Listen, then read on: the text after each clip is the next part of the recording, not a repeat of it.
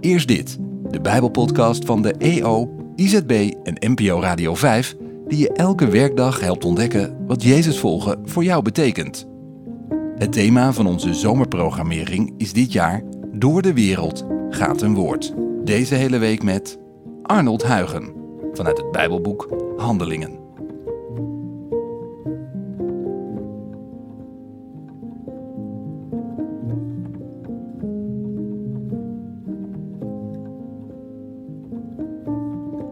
Gerechtigheid geeft meer rust dan geld, zelfs in de gevangenis. We lezen Handelingen 24, vers 22 tot en met 27. Felix, die goed bekend was met alles wat op de weg betrekking had, verdaagde daarop de zitting en zei: Zodra Lysias de tribune is aangekomen, zal ik in uw zaak uitspraak doen. Hij gaf de centurion opdracht Paulus in hechtenis te houden, maar onder een mild regime, en gelastte dat niemand uit zijn kring verhinderd mocht worden voor hem te zorgen. Enkele dagen later ging Felix samen met zijn vrouw Drusilla, die een Jodin was, naar de gevangenis. Hij liet Paulus halen om te horen wat hij over het geloof in Christus Jezus te zeggen had. Maar toen Paulus sprak over gerechtigheid en zelfbeheersing en over het komend oordeel van God, werd Felix bang en zei: Voorlopig kunt u gaan. Wanneer ik in de gelegenheid ben, zal ik u weer laten roepen. Maar intussen hoopte hij dat Paulus hem geld zou aanbieden. Daarom liet hij hem telkens weer komen voor een gesprek.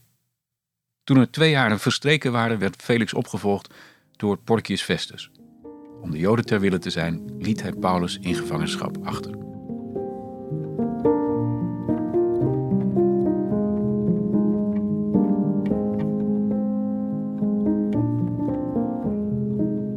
Als de schrik je om het hart slaat, is dat natuurlijk niet fijn.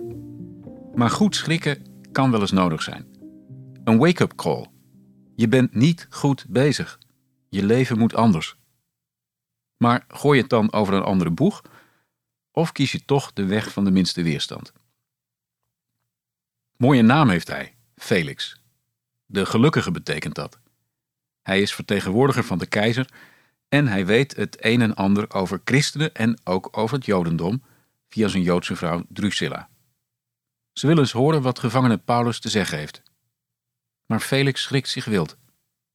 Paulus smeert hem namelijk geen stroop om de mond, maar roept hem ronduit op zijn leven te veranderen. Wees rechtvaardig en beheers jezelf, want God zal over je oordelen. Felix wordt er bang van en stuurt Paulus weg. De angst hebt weg en de hebzucht krijgt de overhand. Hoezo gerechtigheid? Felix heeft gehoord dat Paulus in Jeruzalem kwam met een flink bedrag om weg te schenken. Eens kijken of er nog meer geld loskomt. Keer op keer laat hij Paulus weer komen in de hoop op steekpenningen. De hebzucht overwoekert het besef dat God eens over zijn leven zal oordelen, zoals Paulus gezegd heeft. Sterk verhaal van Paulus, maar de korte termijn gaat toch voor.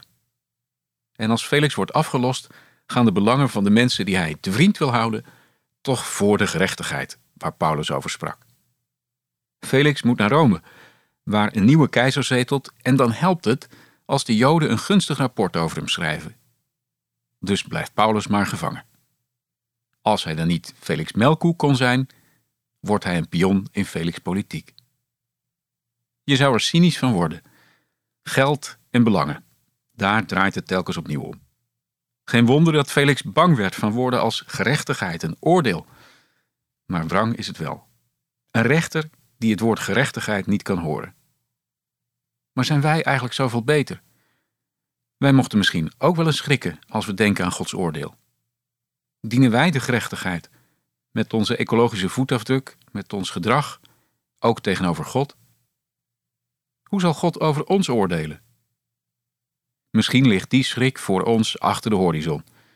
Dat is toch meer iets van vroeger. Toen waren de mensen nog bang voor God. Dat hoeft toch niet? Of hebben we ons geweten in slaap gesust en zijn we ons op de korte termijn gaan richten op onze belangen, financiële belangen en andere? Intussen hield Paulus vol. Hij bleef spreken over God en over gerechtigheid in een cynisch geworden wereld. Gerechtigheid maakt vrij, zelfs al zit je in de gevangenis. Terwijl denken in belangen je alleen maar verstrikt.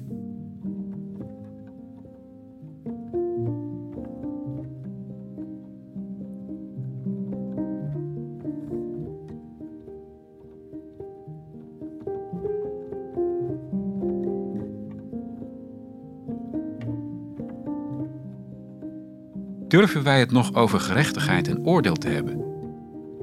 En op welk punt is dat vandaag vooral nodig?